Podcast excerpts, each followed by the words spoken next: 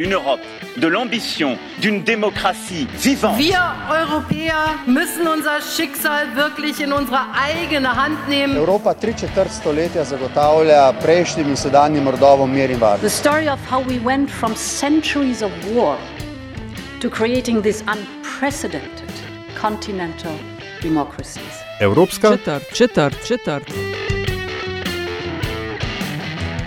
Enjoy travel again safely and freely across the European Union.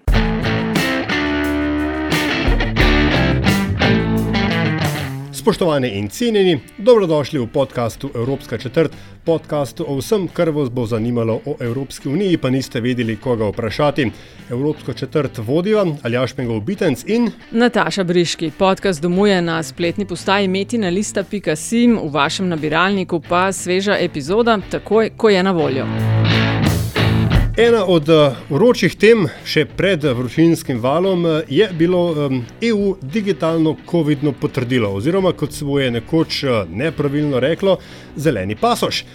Gre za stvar, ki naj bi v času post-pandemije, upamo vsaj, da bo temu tako, omogočala lažje potovanje znotraj Evropske unije, pa morda tudi še kje čez. Kaj na tem je, Nataša, pa z najnim današnjim gostom? Ja, začelo naj bi, se pravi, to COVID-no potrdilo delovati 1. julija in kaj je dejansko na stvari, kaj lahko pričakujemo v teh poletnih mesecih. Sva pa na pomoč poklicala gospoda Andreja Štera, vodjo konzularnega sektorja na Ministrstvu za zunanje zadeve. Gospod Šter, pozdravljeni. Živijo, lep pozdrav. Zdaj, a če rečemo, da je to evropski cepilni potni list, a to prav rečemo?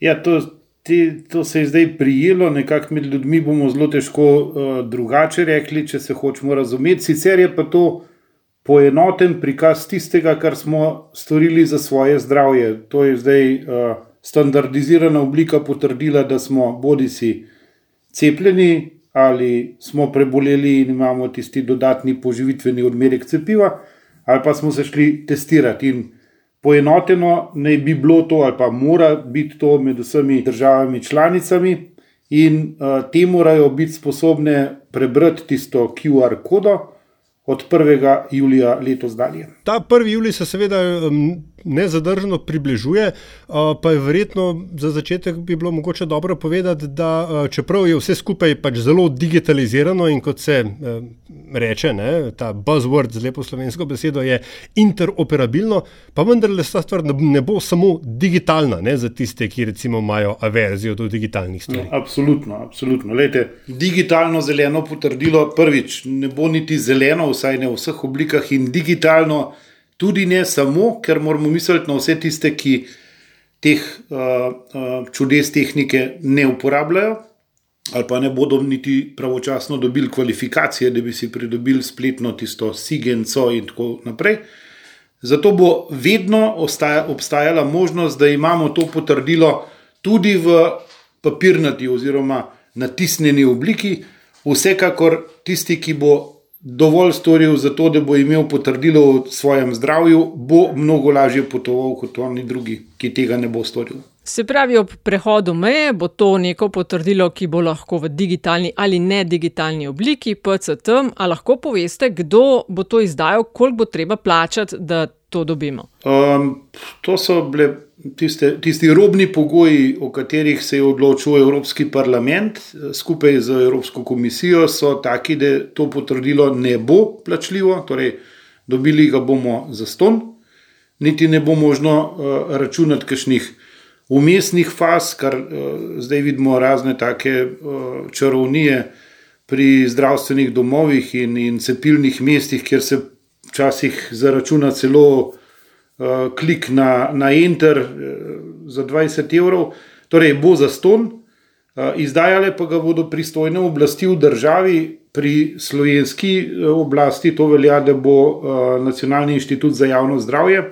Tam zdaj potekajo testne faze, jaz jim rečem suhi trening, pogasilsko. Pravijo, da so bili uspešni, in dni do 1. julija je manj kot je prstov na obeh rokah, torej se nam kar malce mudi.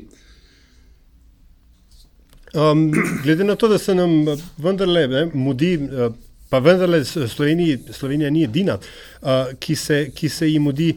Um, Kdo je za to odgovoren, oziroma kaj lahko naredimo državljani sami, da ta postopek čim hitreje steče in je čim bolj enostaven za nas? Uh, torej, tisto, kar zagotovo moramo narediti, je, da si pridobimo dostop do spletnih aplikacij, to je tako imenovano tisto digitalno potrdilo, Sigenca ali SMS pas ali kaj podobnega. Uh, Vsekakor pa moramo imeti tudi osnovno uh, kredibilnost pri svojem zdravju, torej biti moramo cepljeni, ali pa če smo preboleli, dobiti poživitveni odmerek, ker dvomim, da si bomo uh, šli iskat tisto QR kodo za tri dni, kolikor bi nam veljalo, ali pa dva dni, kolikor bi nam veljalo testiranje. Uh, zdaj, nekateri temu rečejo diskriminatorno. Jaz to zelo težko uh, sprejmem, da je diskriminatorno, ker je vsakdo imel možnost, da se cepi. Zdaj, če se je odločil, da te možnosti ne bo izkoristil, bo morda dlje čakal za prestop meje ali za vstop v kakšno državo, ki bo imela strožje uh, realne pogoje za pričkanje meja. No, se mogoče je to, v bistvu, to, to zelo dobro vprašanje. Ne? Se pravi, uh, digitalno oziroma COVID-no potrdilo bo seveda pomagalo, olajšalo prestop meje, ampak še vedno, pa če prav razumem, lahko države članice uh, same določajo pogoje um, za prestop meje ali pa kakšne dodatne omejitve in tako dalje, glede na epidemiološko situacijo. Absolutno, absolutno je tako.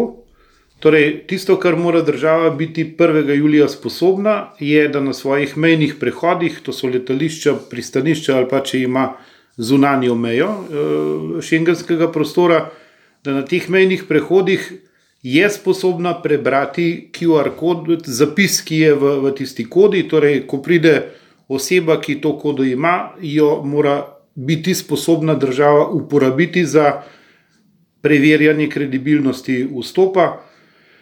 Seveda je pa na nas, državljanih, da uh, s primerno stopno uh, kritične prizanesljivosti presojamo, kaj, kaj so pa oblasti storile za nas, torej kaj so storile, da bi mi lažje potovali v druge države. Ker, uh, veste, Schengen je, kljub temu, da se ga je prijela kakšna taka slaba konotacija, vendarle bil ena večjih pridobitev Evropske unije skupaj z evrom.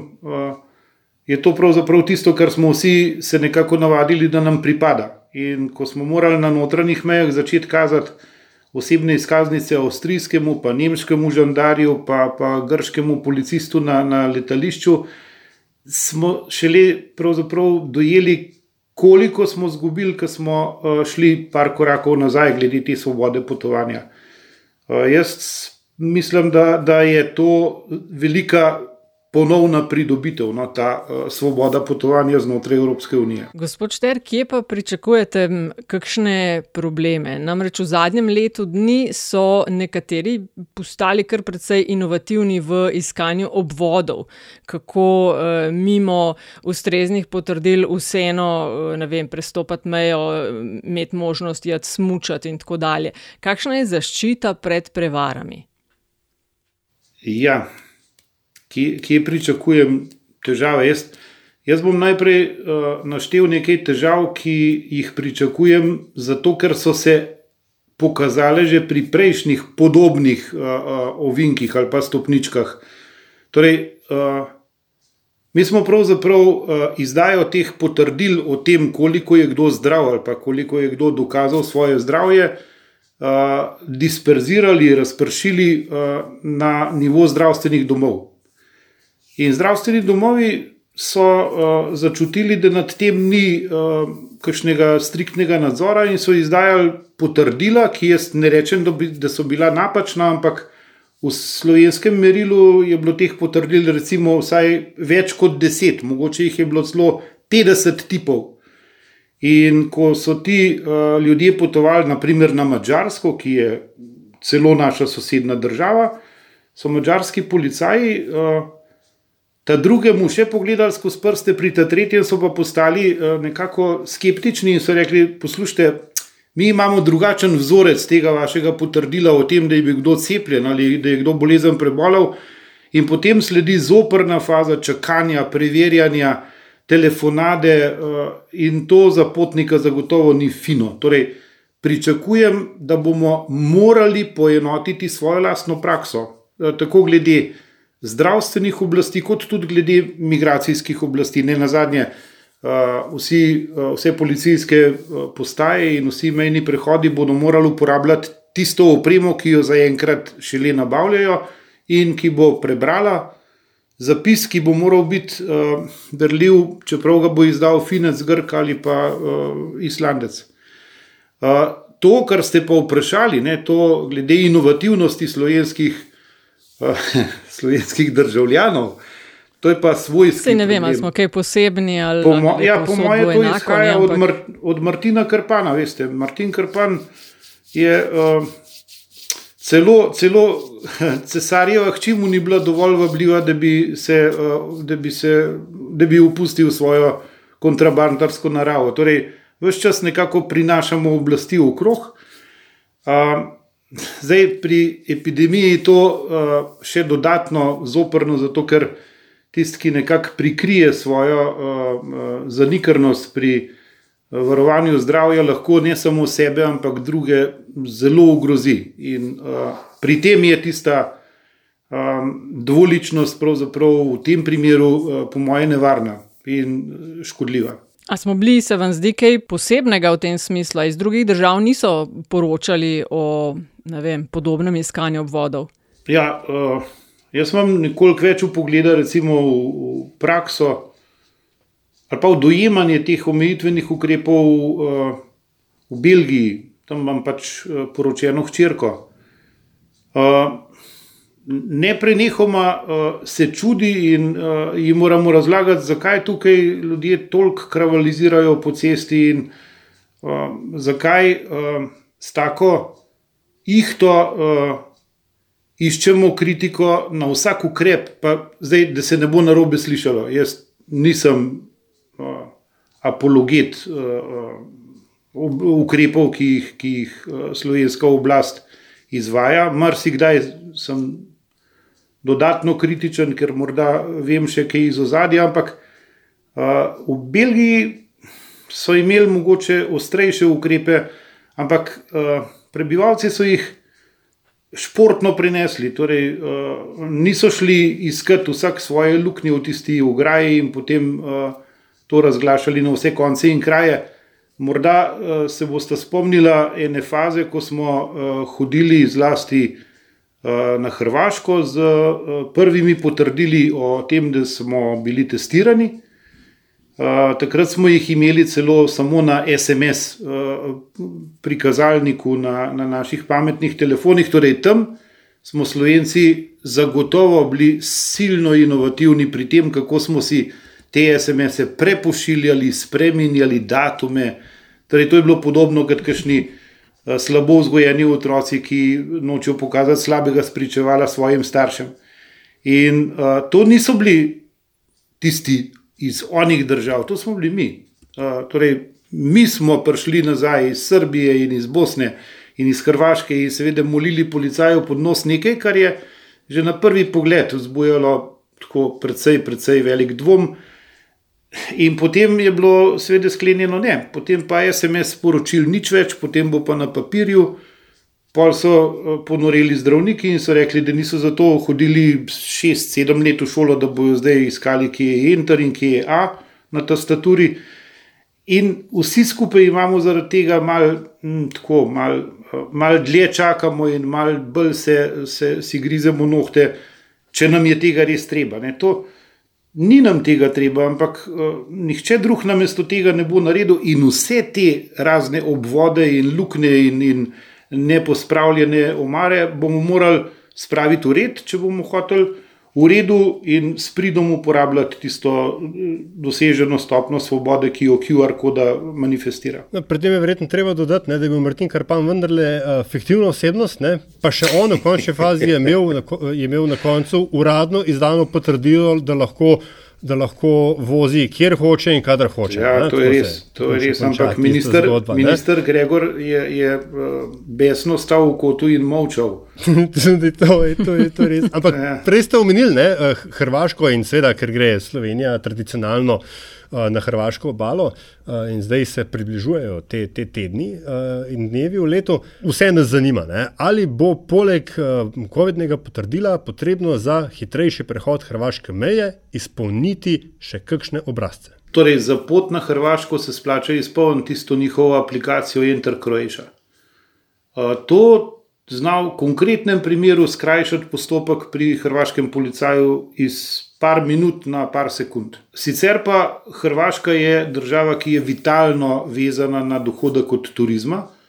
In sem prepričan, da bodo v sistemu in konkretno gostinci in oblasti in policaji in vsi storili vse, da bodo konkurenčni. Torej, da ne bodo uvajali dodatnih omejitev, da bodo prijazni, da bodo imeli cenike v slovenščini, kar je prvič v zgodovini, po mojem, da je tako. Ampak ne bodo zapletali sebi položaja, smo ga pa recimo mi.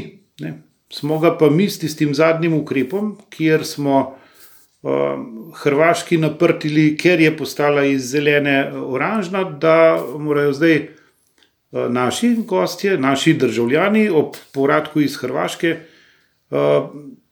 narediti, torej pokazati test, ki ga naredijo na Hrvaškem. Ta ukrep je bil sprejet uh, v petek, to se pravi 19, uh, 18 ob 22. uri, začel je pa veljati 19. v soboto ob nič nič. Torej, v dveh urah se je stanje za tiste, ki so bili takrat na Hrvaškem, drastično spremenilo. Prej so bili off the hook, potem so bili pa uh, vezani na en test, ki ga je v soboto in v nedeljo, verjeten, če si na Korčuli ali pa če si nekje. Uh, Pri, pri Puli v kažem kampu, dokaj težko narediti. Torej, to so ukrepi, ki si jih ne želimo, ni, ni v redu. Tudi nič ne pripomore k zaupanju v pravno varnost. Ne, da, da nekdo z razmislekom skrbi, da nimam jaz pretiranih težav, če sem vse naredil, kar je bilo prav. Ker vsi, ki so šli na Hrvaško prejšnji četrtek in petek, so naredili vse prav. In potem se jim je tisto sprevrglo v eno kar precejšno težavo. No, Meni se, men se tisti policaji, ki so bili v soboto in v nedeljo v službi, prav smilijo, ne, ker so poslušali razne nepri, neprijazne besede, pa čist nič niso bili krivi. Pred dobrim letom dni, še tole za konec, eh, gospod Šter, smo se slišali v okviru enega drugega podcasta, Met in Čaj, in smo se pogovarjali o obsežni akciji vračanja slovencev in slovenko v domovino, o največji repatriaciji v zgodovini države in iskanju ugodnih letov. Me zanima zdaj, recimo slabo leto in pol potem, ali imate, koliko dela ima konzulara danes? Uh, ja, imamo kar. Torej, dela imamo več, kot bi si ga želeli. Uh, ampak uh, narava teh, teh upravil se je pa precej spremenila. Torej, zdaj uh, ne iščemo več tistih, ki bi se zgubili ali pa nekako zahaklali v kakšni uh, džungli v Vietnamu ali nekje sredi Črne Afrike ali pa v Latinski Ameriki. Zdaj je treba pomagati.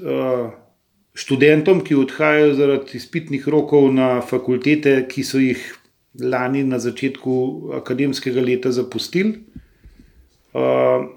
Zdaj treba pomagati slovenskim poslovnežem, ki si pač služijo kruh v tujini in morajo potovati v Anglijo v razmerah, ki so vse prej kot lahke, ali pa v Ameriko, kjer morajo dokazovati, da, da res je nujno. Uh, ali pa takim, kot, kot sem bil sam, ko sem se odpravljal v Belgijo, obiskati hčer, ki jo nisem videl skoraj leto in pol. Torej, tista nujna potovanja, ki jih vse lahko karakteriziramo kot kaj ga pa zdaj nese tja nekam v Argentino ali pa v Južno Afriko ali pa v, v Maroko. Ampak vsaka taka zgodba ima svoje konkretno ozadje in človeško usodo. In, Uh, ko slišiš te zgodbe, pa pravzaprav vidiš, da zelo malo ljudi je zdaj le takih, ki potujejo iz čistega avanturizma, ampak vsakdo nese en del svoje svoje osebnosti na tisto pot in uh, trudimo se, da bi bil pri tem uh, ne samo uh, uspešen, ampak tudi varen in da bi mu to ostalo v lepem spominu. Ja, gospod Andrej Štern, najlepša hvala za gostovanje v podkastu Evropska četrt in uh, mirno poletje vam želimo. Hvala, hvala za povabilo in lep pozdrav vsem, ki bodo tole poslušali. To je bila Evropska četrt 73. v podkastu Vesolju. Hvala za vašo pozornost, predlogi in mnenja pa kot vedno zelo dobrodošli. Hvala pa tudi za pohvale in kritike, ki jih delite z nama in seveda res hvala za investicije, ki jih namenjate razvoju in produkciji naših vsebin. Avtor glasbene podlage je peli iz podcasta Opravičujemo se za vse nevšečnosti. Če vam je vsebina všeč, bo pomagalo, da nas najde še kdo, če naj jo ocenite pri vašem izbranem podkastu ponudniku ali ponudnici. Sicer pa hvala za vašo družbo in se spet slišimo k malu.